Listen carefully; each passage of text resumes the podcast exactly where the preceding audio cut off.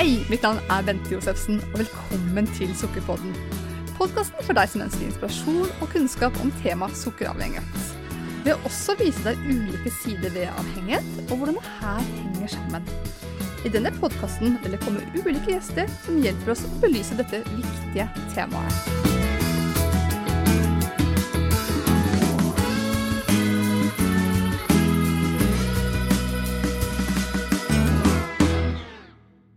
Da er vi eh, i studio i Arendalsgata 22, hvor eh, vi har en gjest i dag som eh, jeg egentlig ble kjent med som Sukker-Bente. Men Bente Josefsen, du Vi skal snakke mye om, om sukker og om avhengighet etter hvert, men aller først, hvem er Bente Josefsen? I tillegg til å være sukkerdama, mener du? ja. jo, Geir, jeg, jeg er 45. Ja, det må du tenke etter nå. 45 år, jeg er gift og har to barn. To vakre, nydelige jenter som vi har eh, vært så heldige å få lov til å adoptere. Så det er jo gullene mine, selvfølgelig. Jeg er bosatt på Harestua, som er da litt nord for Oslo. Men du er opprinnelig fra Nittedalen? Det er riktig. Jeg er nittedøl, som det heter. Ja. Uh, mm, det er jeg. Så, men vi valgte i 1998, jeg og mannen min, å bosette oss på Harestua. Bygge to hus til og med der. Vi liker å gjøre ting ordentlig. Og dere har to hus? Vi har bygd to hus der. Er det sånn at hvis det er litt sånn knute på tråden, så bor dere i hvert deres hus, eller? så råflott er vi ikke. Vi har solgt det første. ja. Men, og, og, mannen din er også fra Nittedal. Er det barndomskjæreste? Eh, ja, vi ble kjent i ungdommen. Ja. Mm, mm. Det er riktig. Og så eh, har du Du har bodd eh, på Harestua i godt vel 20 år. Men hva drev du med hvis vi Som, som ung, eh, idrett eh, hva, Hvordan så hverdagen din ut ved siden av skolen? Mm, altså det, som barn, da, barn og ungdom, så hadde jeg to aktiviteter. Det ene var jeg spilte piano. Og det andre jeg spilte håndball. Og jeg ble nok veldig mye bedre i håndball enn i piano. var, jeg var veldig engasjert i det i veldig veldig mange år, inntil jeg pådro meg en uh, kneskade da jeg var 16 år. Mm -hmm. og da ble håndball lagt på hylla, og det var egentlig litt sånn stor sorg, for det hadde vært så stor del av mitt liv i mange år. da. Mm. Men veldig mange gode minner fra den tiden. Håndball er jo en sport som mange får uh, alvorlige skader i. Det kjenner vi jo gjennom media. Absolutt. Men jeg hadde jo liksom en drøm da med å komme på landslaget, så ja. Jeg kom ikke dit, men jeg har gjort mye annet spennende i livet allikevel. Jeg vet jo at uh, den ene datteren din er jo en fantastisk dyktig danser. Det er riktig. Ja. Det er veldig, ja, det er veldig morsomt som mamma å observere at uh, en ting er jo altså både å ha talent og noe så stor glede av noe, da. Og hun danset jo faktisk før hun kunne gå. Hun satt i min bæresele og danset hver gang hun hørte musikk. Så det ble sett det tidlig at det der er noe. Det må jeg si. Det er imponerende. Og hun, eh, hun har ambisjoner eh, sin unge alder til tross. Ja, det har hun. Det er jo lille Sara da, som straks blir åtte år. Og hun, eh, hun har sagt det egentlig veldig tidlig, da, at hun har hatt lyst til å være med på Norske Talenter. Så tenker jeg at det får vi få til snart. ja. Og hun ble faktisk i høst, da, her høsten 2019 så ble hun forespurt om å være med i en musikkvideo. Det var artisten Myra, eller Regina Tucker, som er hennes egentlige navn, som skulle spille inn en musikkvideo hvor man skulle på en måte filmatisere hennes barndom. da, eh, I en fantastisk sang som heter 'Hjemløse i egen by'. Så den kan man jo da, Hvis man har lyst til å se Lille Sara, så kan man google opp den. Den ligger på YouTube. Og der var, fikk hun hovedrollen. Det var første gang hun deltok i noe mm. som helst, så fikk hovedrollen i den musikkvideoen. Så det er hun jo passe stolt av. Ja. Og jeg er litt òg. ja. Og det blir vel mange, mye oppfølging da når hun skal trene, for hun trener vel i Oslo, som jeg har forstått, og dere bor ca. 3,5 mil utenfor Oslo. Det er riktig. Så mm. er, hun går på et fantastisk dansestudio der, og det tenker jeg det, altså, Den bilturen tar jeg så gladelig, for jeg ser at hun har så stor glede av det. Men du, vi må, vi må, jo inn på det som egentlig er bakgrunnen for at jeg har lyst til å få en prat med deg. Jeg har jo selv opplevd uh, å være på et av dine uh, foredrag, men det kommer vi tilbake til litt senere. Når begynte egentlig altså Hvis vi skal kort si litt om yrkesbakgrunnen din. Du har jo, du har jo jobbet i, i bl.a. Coca-Cola. Uh, det kom litt overraskende på meg. Men når begynte du å og dreie inn mot det som eh, på en måte er din profesjon i dag, og hvor du snakker om, om avhengighet og alt dette. Det begynte vel i 2005, så vidt jeg har klart å finne ut? Ja, altså jeg utdannet meg i um, 2004 2005 til å bli friskvernkonsulent. For da hadde jeg jobbet som du nevner, flere år i Coca-Cola. Og så fikk jeg en, eh, et veldig stort prolaps i ryggen, som jeg måtte gjennom da, en stor uh, ryggoperasjon. Og jeg hadde hatt en administrativ stilling i Coca-Cola, i salg- og markedsføringsavdelinga. Så jeg har jo litt innsikter i hva de tenker og hvordan de handler. Og etter en ryggoperasjon så var det vanskelig å komme tilbake, fordi um, ja, det å sitte mye stille og sånn passet ikke da, for jeg var ikke liksom, rehabilitert nok da, da mitt sykepengeår gikk ut. da. Og så gikk jeg litt i tenkeboksen, også med tanke på litt sånn verdivalg her i livet, om det oppleves riktig da, å skulle jobbe i den type bransje. Som jeg kanskje sidestiller litt med tobakksindustrien. så man kan få litt sånn paralleller til det. At man selger ting man vet egentlig ikke er bra for mm. folks helse. da. Og helse har jeg jo egentlig vært opptatt av bestandig. Mm. Så da valgte jeg da å utdanne meg som friskvernkonsulent uh, hos noe som heter Akselsons Bodywork School. Og jeg var det første kullet i Norge som tok den utdannelsen, som kom opprinnelig fra Sverige. Da snakker man om friskvård. Mm. Der er det et veldig, veldig anerkjent begrep. Ja. kjent, Mens friskvern var ikke veldig kjent i 2005 i Norge, det kan jeg love. Men, og jeg var også den første som startet bedrift og gikk ut i det norske markedet og skulle hjelpe bedrifter med friskvern. Og da følte jeg meg litt som en ufo. du var iallfall en pioner? Ja, var, det var jeg absolutt. Men jeg fikk jo meg som heter, fikk jo mye medieomtale Var på P4-direkten, og det, det, var jo også en artig tid. Mm. Det var det virkelig. Men, men den uh, den, den satsingen den, den, fikk en brå slutt egentlig i 2008 pga. finanskrisen?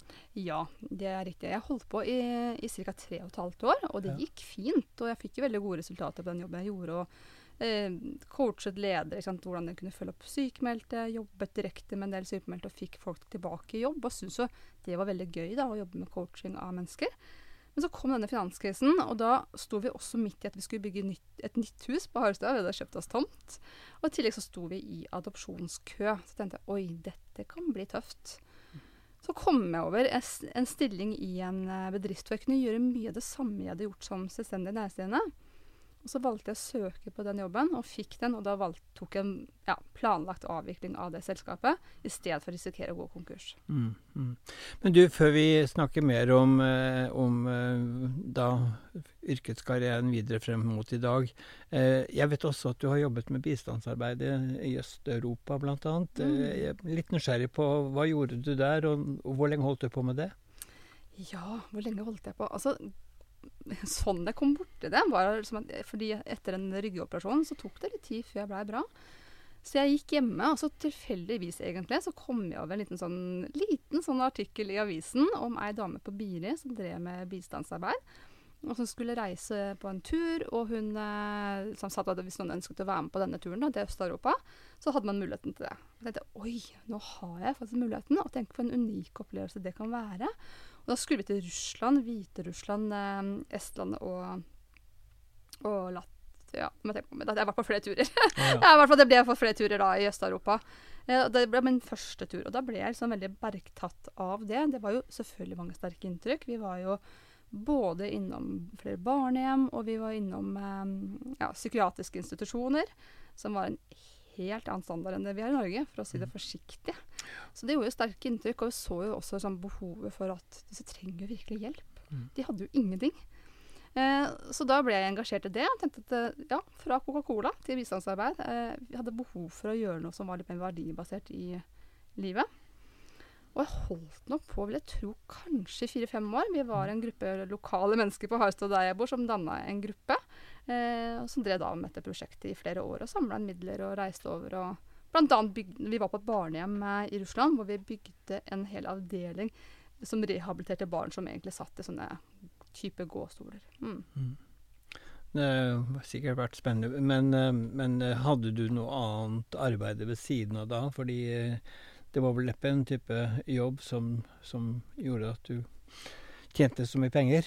Nei, det var jo rent frivillig arbeid. Men jeg gjorde det parallelt med at jeg da videreutdannet meg, videreutdannet meg til Unnskyld. Tunga Krøller seg, videreutdannet meg til friskvernkonsulent, og etter hvert startet egen firma. Mm. Så da ble jo det etter hvert litt mye å skulle håndtere, håndtere alt. Og så ble det så dyrt etter hvert med frakt også, ja, det ting vi samlet inn. Så vi valgte etter hvert da å legge ned det arbeidet. Selvfølgelig med blandede, blandede følelser, men man skal også ha tid og mulighet skal man først liksom gjøre en sånn jobb. Mm. I 2017 så startet du eh, dette med Fisk uten sukker, som, eh, som, på en måte er det du i dag bruker all din tid til. Men hva gjorde du i, eh, før vi kommer mer inn på, på, det, hva gjorde du da i tiden etter eh, at du avviklet eh, eh, friskvernsatsingen din i 2008? og Bortsett fra at uh, dere fikk uh, etter hvert to herlige jenter inn i familien. Og, og hva jobbet du med da? Du jobbet bl.a. en periode i dagligvarebransjen. Var det noe som skjedde da i den perioden frem til 2017, eller var det før eh... Ja, det var, det var, før jeg jobbet i Coca-Cola. Så jobbet jeg som leder da i i både Rimi og Ica en del år. da. Mm -hmm. Og så gikk jeg derfor til Coca-Cola og fikk den ryggoperasjonen som jeg ble operert fra. Og så eh, hadde jeg et eget firma, og etter det så da jeg valgte å søke meg jobb, så fikk jeg jobb i en arbeidsmarkedsbedrift. Og jeg da fikk ja, både holde kurs og følge opp sykemeldte ute i bedrifter. Eh, og det var jo et fantastisk arbeidsmiljø. altså Jeg har jo egentlig aldri hatt så gode kollegaer noen gang. Men samtidig så merket jeg at eh, ja, jeg er kanskje litt for kreativ til å være ansatt. Mm. jeg liker å styre dagen selv. Jeg liker å kunne følge ideer. Um, ja, kanskje jeg liker å gjøre det jeg selv ønsker, da. Mm. Det ligger noe der. Mm. Så, det, så, det, var nok litt sånn i mitt bakhode hele veien at det, det var trygt. Det trengte jeg i en periode. Det var jo veldig hyggelig, og jeg gjorde masse spennende. Mange gode minner og veldig takknemlig for det. De bare tok noe for meg i den perioden. Og så valgte jeg å si opp den jobben da Ja. Jeg tok først et års permisjon da, for å teste ut konseptet Frisk uten mm. sukker. Og det tok meg ikke så mange dagene inn i det. for jeg skjønte at, hvilken vei det ville gå. At det, det. Så hadde du da, for nå i, med Fisk uten sukker, så er det jo både foredrag og det, det, er mye som vi skal komme inn på. Men du hadde jo da allerede i den forrige jobben din da fått litt erfaring med å holde kurs, foredrag, sånn at du etter hvert følte deg trygg å stå foran et publikum og, og snakke, enten det var én til én, eller om det var flere som var tilhørere?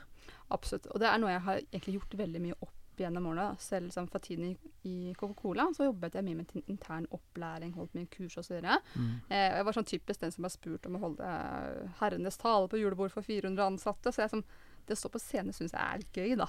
ja, men da har du også litt humor, da?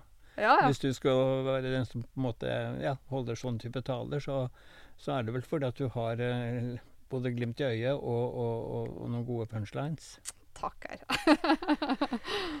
eh, hvis vi nå eh, Vi er nå i 2020, men eh, i 2017 så eh, ble eh, Frisk uten sukker unnfanget. Eller ideen hadde kanskje vært der en stund, men mm. da ble det på en måte din hovedsatsing.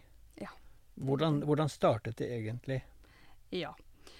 Da må vi egentlig spole tilbake til 2009, så det her er en litt lang reise. Ehm, jeg hadde jo som friskvernkonsulent bl.a. utdannelse i anatomi, fysiologi og ernæring, og egentlig vært alltid opptatt av som helse i, med liksom det fortegnet Jeg tenker livskvalitet, da. ikke sant? Så det er det som er viktig for meg.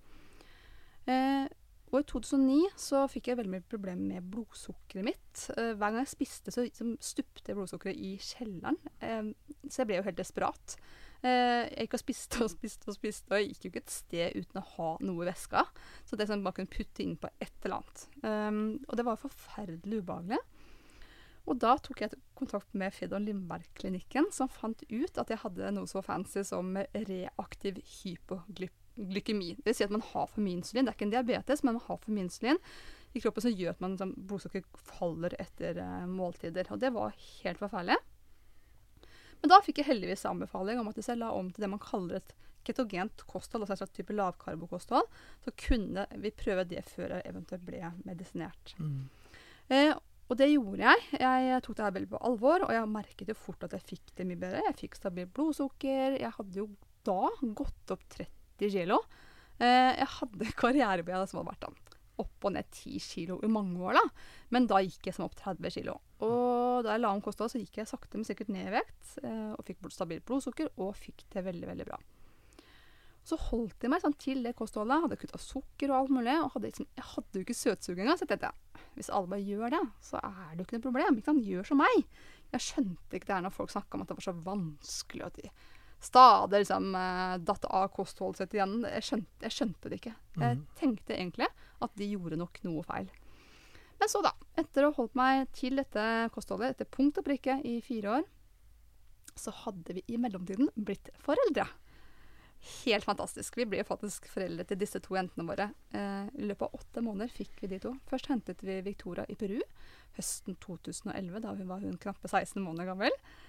Og noen måneder senere så fikk jeg en forespørsel fra det norske barnevernet om et barn som var ventet til verden. Eh, som da ble trengt liksom, hjem fra dag én. Og de tenkte liksom at eh, dette var barn som ville ha det bra og bli adoptert, og de tenkte på oss. da. Og det er veldig unikt, for som regel så blir man ikke foreldre to ganger på åtte måneder. Det er kanskje nesten verdensrekord. Ja. så vi er jo sånn, liker å være litt unike, da. Nei, i hvert fall så var det sånn at hun minstemor hun, hun hadde en hobby, og det var å holde mammaen sin våken om natta. Det syns jeg var rasende festlig. Så jeg, det jeg tror jeg sa mest eh, de første årene av hennes liv, var Sara, om natta skal vi sove. så det rullet jo på med våknetter. Det var, grunn, det var grunner til det, vi har skjønt det i ettertid. Vi prøvde å finne ut av hva det handlet om. Men det som det medførte, var at etter ett år Jeg hadde nesten ikke sovet noen ting. Og jeg gikk jo hjemme med begge disse barna. Både Victoria, som var da to år, og denne lille babyen, og sov ikke. Så satt jeg som plutselig der og spiste sukker igjen. Jeg tenkte, Hæ? Hva skjedde nå? Og så klarte jeg ikke å stoppe. Det var ikke sånn én gang som jeg tenkte det skulle være. Jeg tenkte, jeg tåler jo det én dag. Jeg skjønte jo ikke da at det var snakk om en sukkeravhengighet. Så tenkte, nå er jeg så frisk, jeg tåler å smake på sukker én gang. Men jeg gjorde ikke det. Så da var jeg som helt på sukkerkjøret i faktisk tre år. Oi, såpass, ja. Mm. Jeg klarte ikke å stoppe. Det var helt liksom Det var bare så fælt. Eh, men jeg klarte på en måte å unngå å legge på meg 30 kilo. Jeg la på meg sånn rundt 10. Men det var for at da begynte jeg å kompensere. ikke sant? Spiste masse, eh, sulta meg litt. Ja. Hørte om fasting. Ja, det var jo lurt. ikke sant? Det er jo bra for helsa. Men det er jo bare en måte å kompensere for det hele på. ikke sant?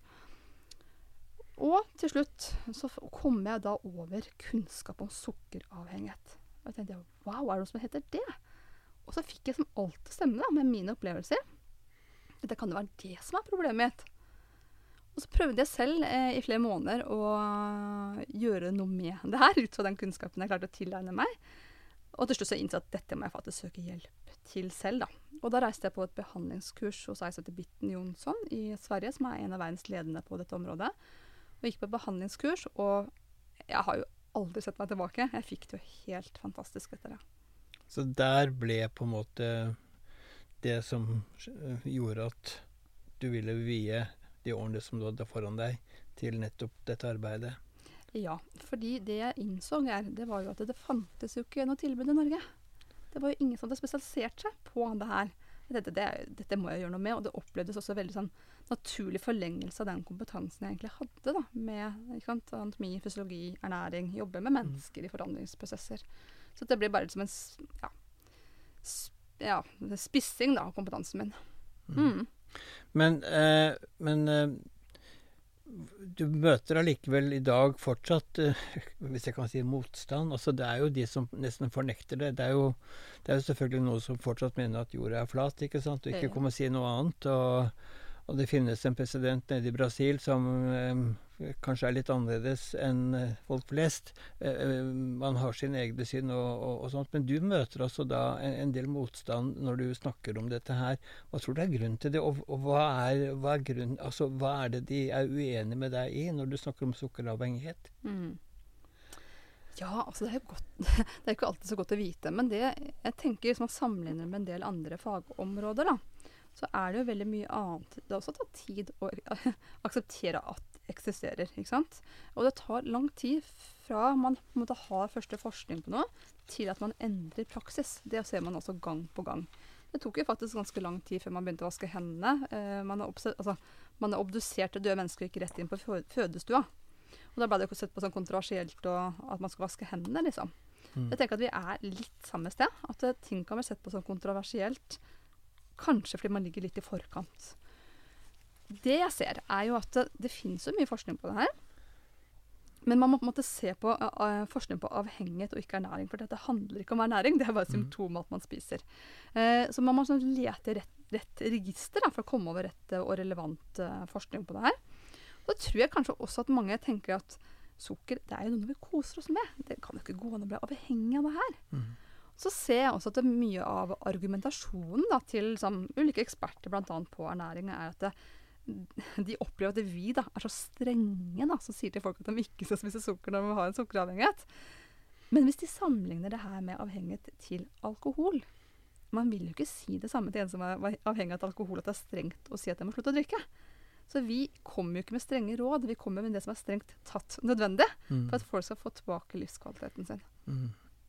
Men, eh, og jeg er jo en av de som har hatt eh, på å si, gleden av å være på, på et av dine foredrag, og det var jo det som på en måte gjorde at jeg stakk ut en helt ny kurs. Og nå sitter jeg her eh, 10-12 kilo lettere enn jeg var den dagen jeg fikk den åpenbaringen av å sitte og høre på deg.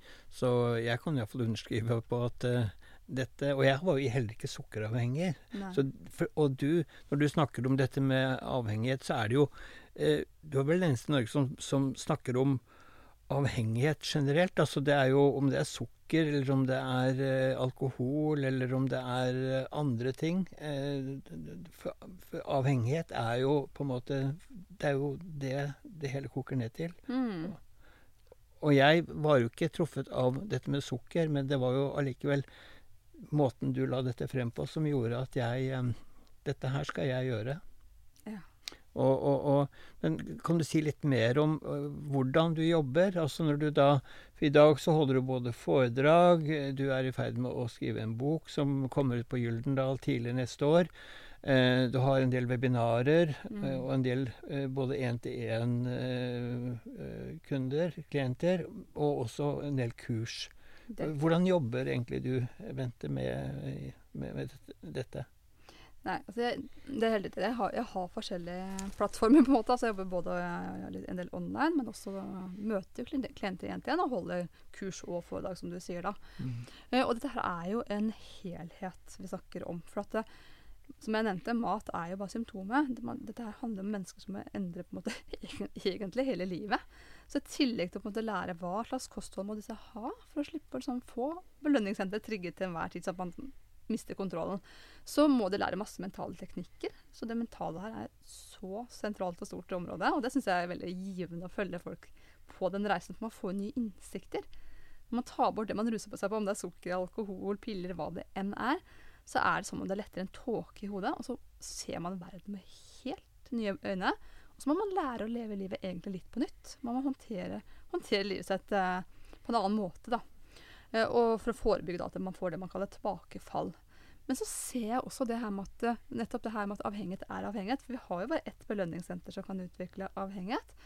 Og ulike avhengigheter henger sammen. Så om man er avhengig av alkohol eller sukker, piller, sex, shopping, internett, spill, så er det samme sak. Og det forskerne sier i dag, at det er over 90% av de som lider av en avhengighet, har mer enn det vi kaller utløp, altså men ett utløp. At man har gjerne flere ting, og man kan avruses, avruses fra én ting og plukke opp noe nytt.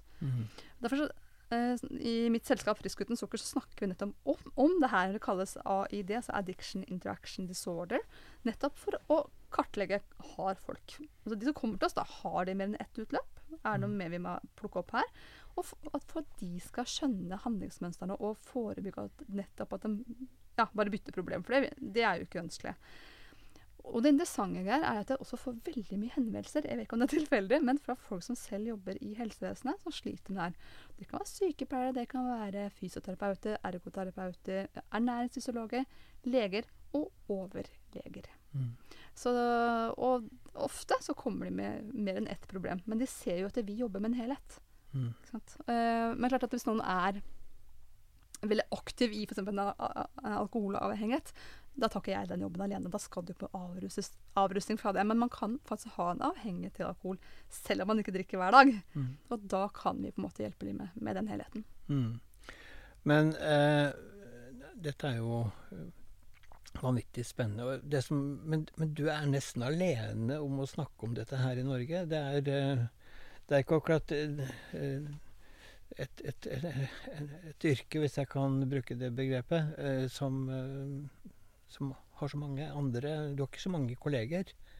Hva, hva Tror du at dette her er noe som kan komme til å bli eh, mye mer aktuelt i tiden som kommer? At uh, dette er noe av, av, fremtiden, og at folk blir med, enda mer bevisst? Og, for det er jo det du jobber med. Du bevisstgjør jo folk egentlig på av, dette med avhengighet, og kommer med da noen kjøreregler på hvordan man kan eh, enten redusere de, de, inntakene, eller eventuelt helt slutte med det. Mm. Ja. Jeg, jeg, jeg, håper jo at jeg får kollegaer etter hvert, for jeg tenker mm. at det er så stort behov.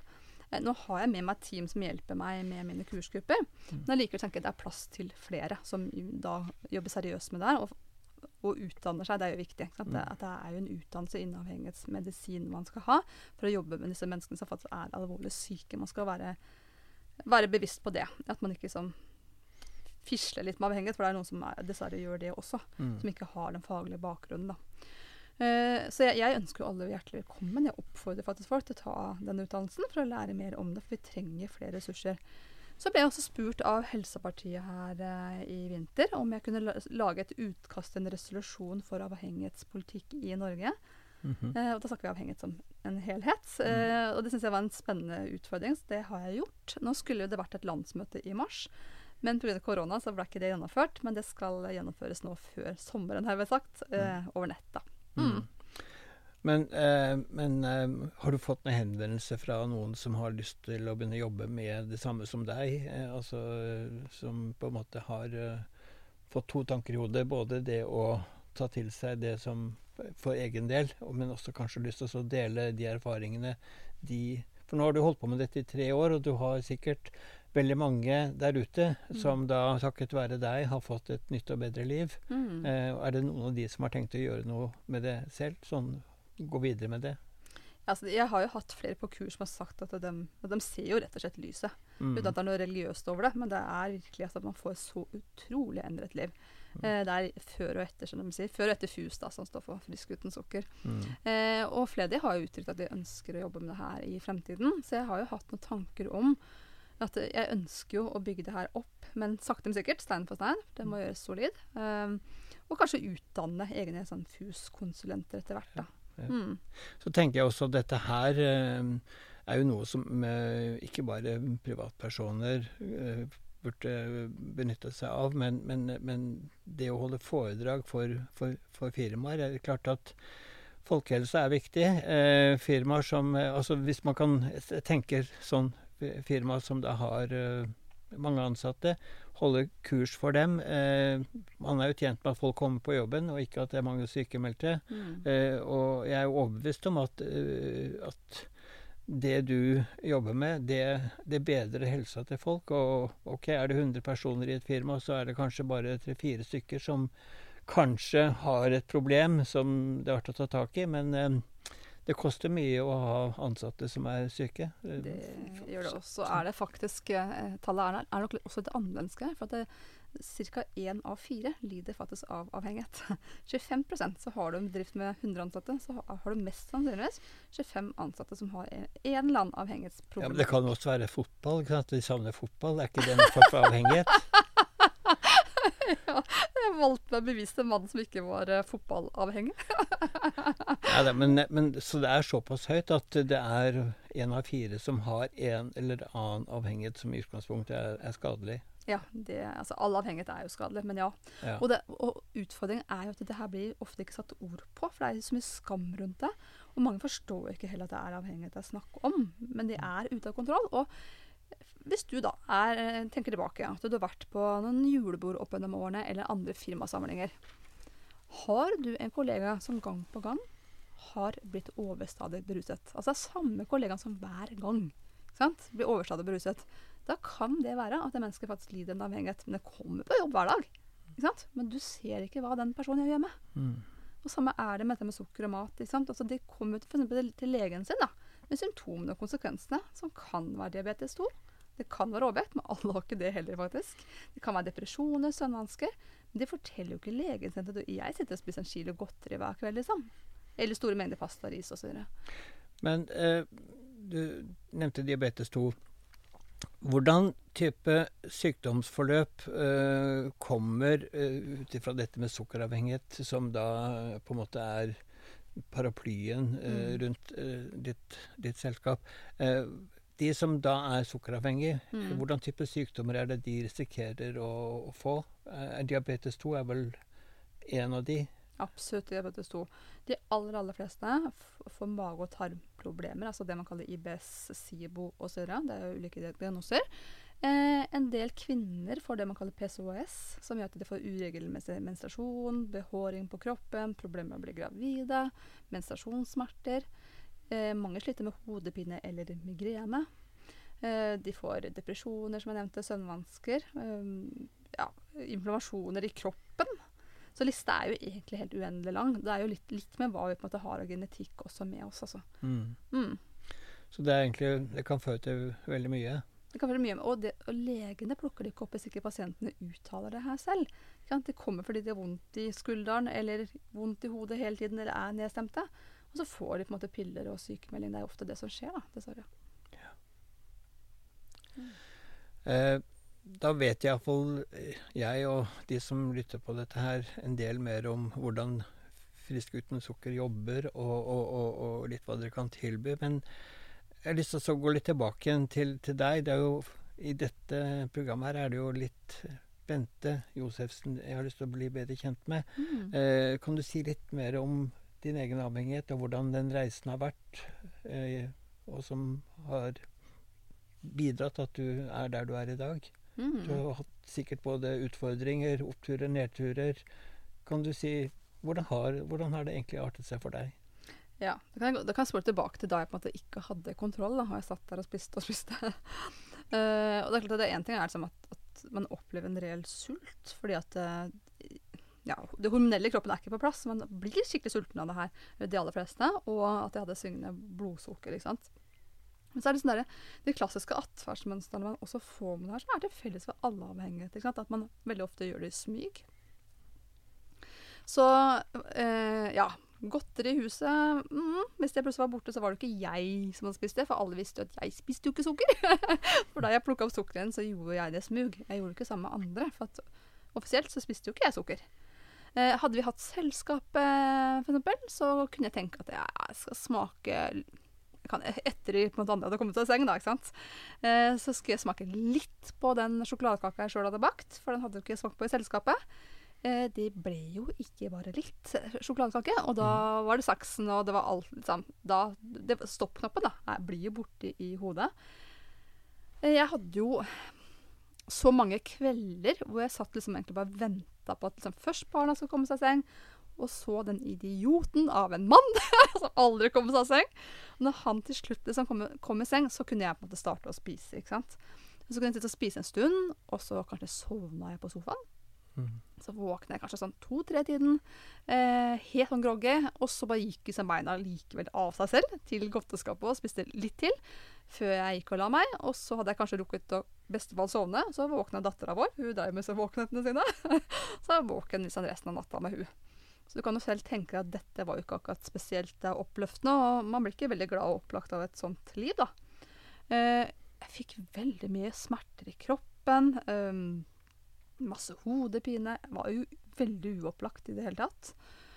Eh, det jeg også merket som var eh, Kanskje ettertid har skjønt teoretisk, da, men som jeg er, virkelig erfarte, er det man kaller toleranseutvikling. For at eh, da jeg begynte å spise, spise sukkeren etter at barna hadde holdt meg våken, da, så opplevde jeg at det, i motsetning til de årene før jeg hadde spist, så trengte jeg plutselig mye, altså helt andre mengder. da.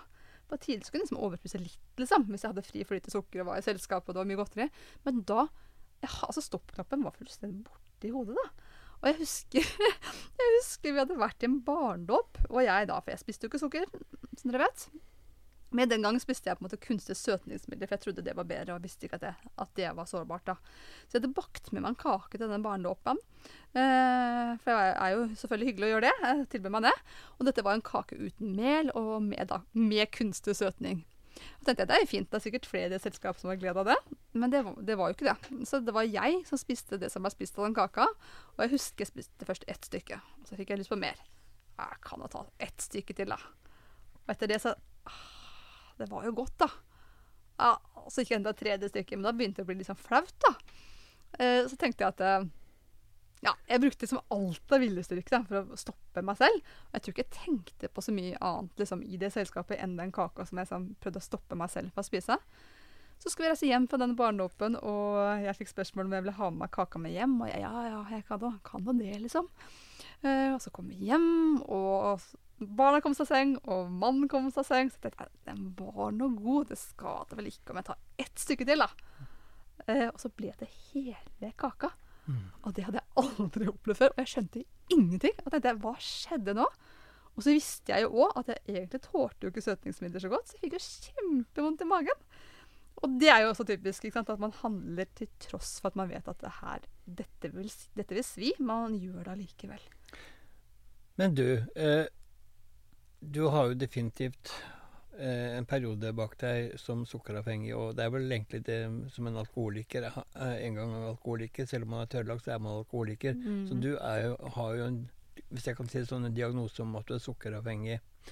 Men mange der ute eh, de kan jo godt spise både en sjokolade og et stykke kake og alt dette her uten at de er avhengig. Når, eh, hvilke, hvilke signaler er det man egentlig bør fange opp hos seg selv når man føler at eh, man kanskje er i ferd med å gå litt for langt? Altså det å eh, altså, Man blir ikke alkoholiker før man begynner å drikke. Mm. Eh, og så er spørsmålet når man drikker litt, så, så er det liksom innafor. Men så blir det et, et punkt hvor man på en måte har gått for langt. Men Mm. kan du si litt når er, er det noen type signaler man skal prøve å ha litt i bakhodet for når man er i ferd med å miste kontrollen? Mm, absolutt. Eh, altså, det klassiske for all avhengighet, inklusive sukkeravhengighet, er jo nettopp at man gjemmer og smyger. Altså, har du behov for det, da er det noe som ikke stemmer. For det gjør man ikke hvis man er fullstendig frisk. Man har ikke behov for det. Um, det at man ikke på en måte klarer å kontrollere hvor mye eller hvor ofte, at man sitter sånn og dealer med seg selv. da. Så ta én bit, da. Én twist. Og så Nei, forresten, jeg kan ta én til, da. Men da skal jeg stoppe. Nei, én til, da. Og så ender man kanskje opp med å spise hele posen, og en som på en måte ikke har avhengighet, den spiser favorittene sine. En med sukkeravhengighet spiser favorittene først, og Mm. så forsvinner hele posen, for det er ikke smaken som er relevant. Så hvis du på en måte både hjemme og smyger og stadig har denne dealingen med deg selv Kanskje skal du stoppe i morgen, eh, starte nye kurer hver uke osv. Så, videre, det- så er det på en måte ja, kan være tegn på at det er noe som er gærent. Man har jo gjerne en tendens til å også, ha noen nyttårsforsetter, og da er det jo gjerne de som bl.a. røyker, de skal da slutte 1. Mm. januar, ikke sant? Og så sprekker ni av ti eh, 2. januar. Og noen slutter å røyke, men kompenserer det med å begynne å snuse, og så tror man Mm. at det er liksom bedre. Eh, Mm. Men um, ingen nevnt, ingen Vi nevner ikke teknikeren her. Nei. Men, men, men, eh, nei, men det, det er interessant, dette her. Eh, Det er jo enkelte ting som, det, som jeg syns det er helt greit å være avhengig av, men det er jo eh, ting som ikke er helsefarlig. Eh, idrett, og noen blir litt sånn fotballnerder som undertegnede. Og, og det er de som blir avhengig av sex, så det er jo en, en god ting å være avhengig av. Men, men Kan jeg få arrestere deg? Hva sa du? Kan jeg få arrestere deg? Ja, men det er i orden.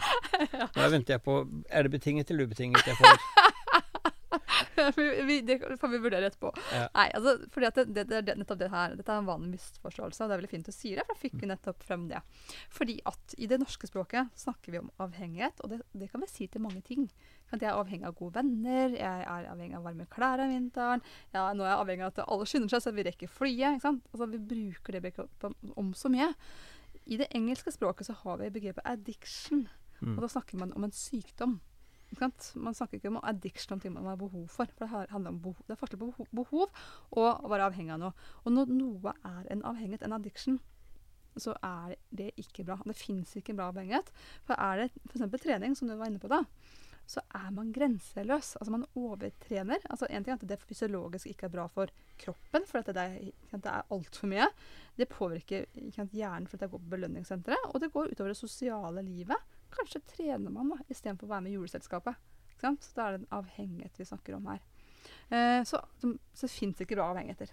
Er det, er det avhengighet eller addiction man har utviklet, så det er aldri bra. Mm. Så det norske språket er litt fattig her, egentlig, fordi det ordet avhengighet det, det, det, er ikke, er ikke, det, er ikke, tydelig nok i forhold til Man kan være avhengig av noe som er positivt, som vi er enige om, så lenge man, om man er avhengig av å gå på en fotballkamp. Det sier man gjerne litt mer sånn ikke sant? Ja. Det er mest sannsynlig er det ikke noe avhengighet, det er noe man setter pris på og er glad i. ikke sant? Ja. Uh, og det er klart, Har man ligget på sofaen i 40 år og venta på motivasjon for å trene, så kan det høres fristende ut å være avhengig av trening, men det vil du ikke bli, tro meg. Men å være glad i det, det er jo kjempefint. Mm. Nei, men Dette har vært en um, utrolig spennende samtale, Bente. Og um, du skal ikke se bort fra at jeg har lyst til å slå en prat til med deg eh, om ikke så altfor lenge. Det er jo mye som skjer i, i, ditt liv og med det du jobber med, og med forfatterskap som du holder på med, kurs og, og det, Dette er spennende. Jeg, jeg ser frem til å følge deg videre og ønsker deg lykke til med det som du har av utfordringer positive sådanne fremover. Tusen takk for deg, Geir. Det var jo veldig inspirerende og spennende å bli intervjuet av deg. Det var andre sida av liksom, stolen, da. Det er bare, bare koselig. Og jeg har jo blitt veldig inspirert og fått et nytt liv takket være deg. Så derfor så har det vært så enkelt for meg å sitte her og snakke med deg om dette. Fordi jeg, jeg så lyset i tunnelen, og det var ikke toget som kom. Takk til deg, Geir.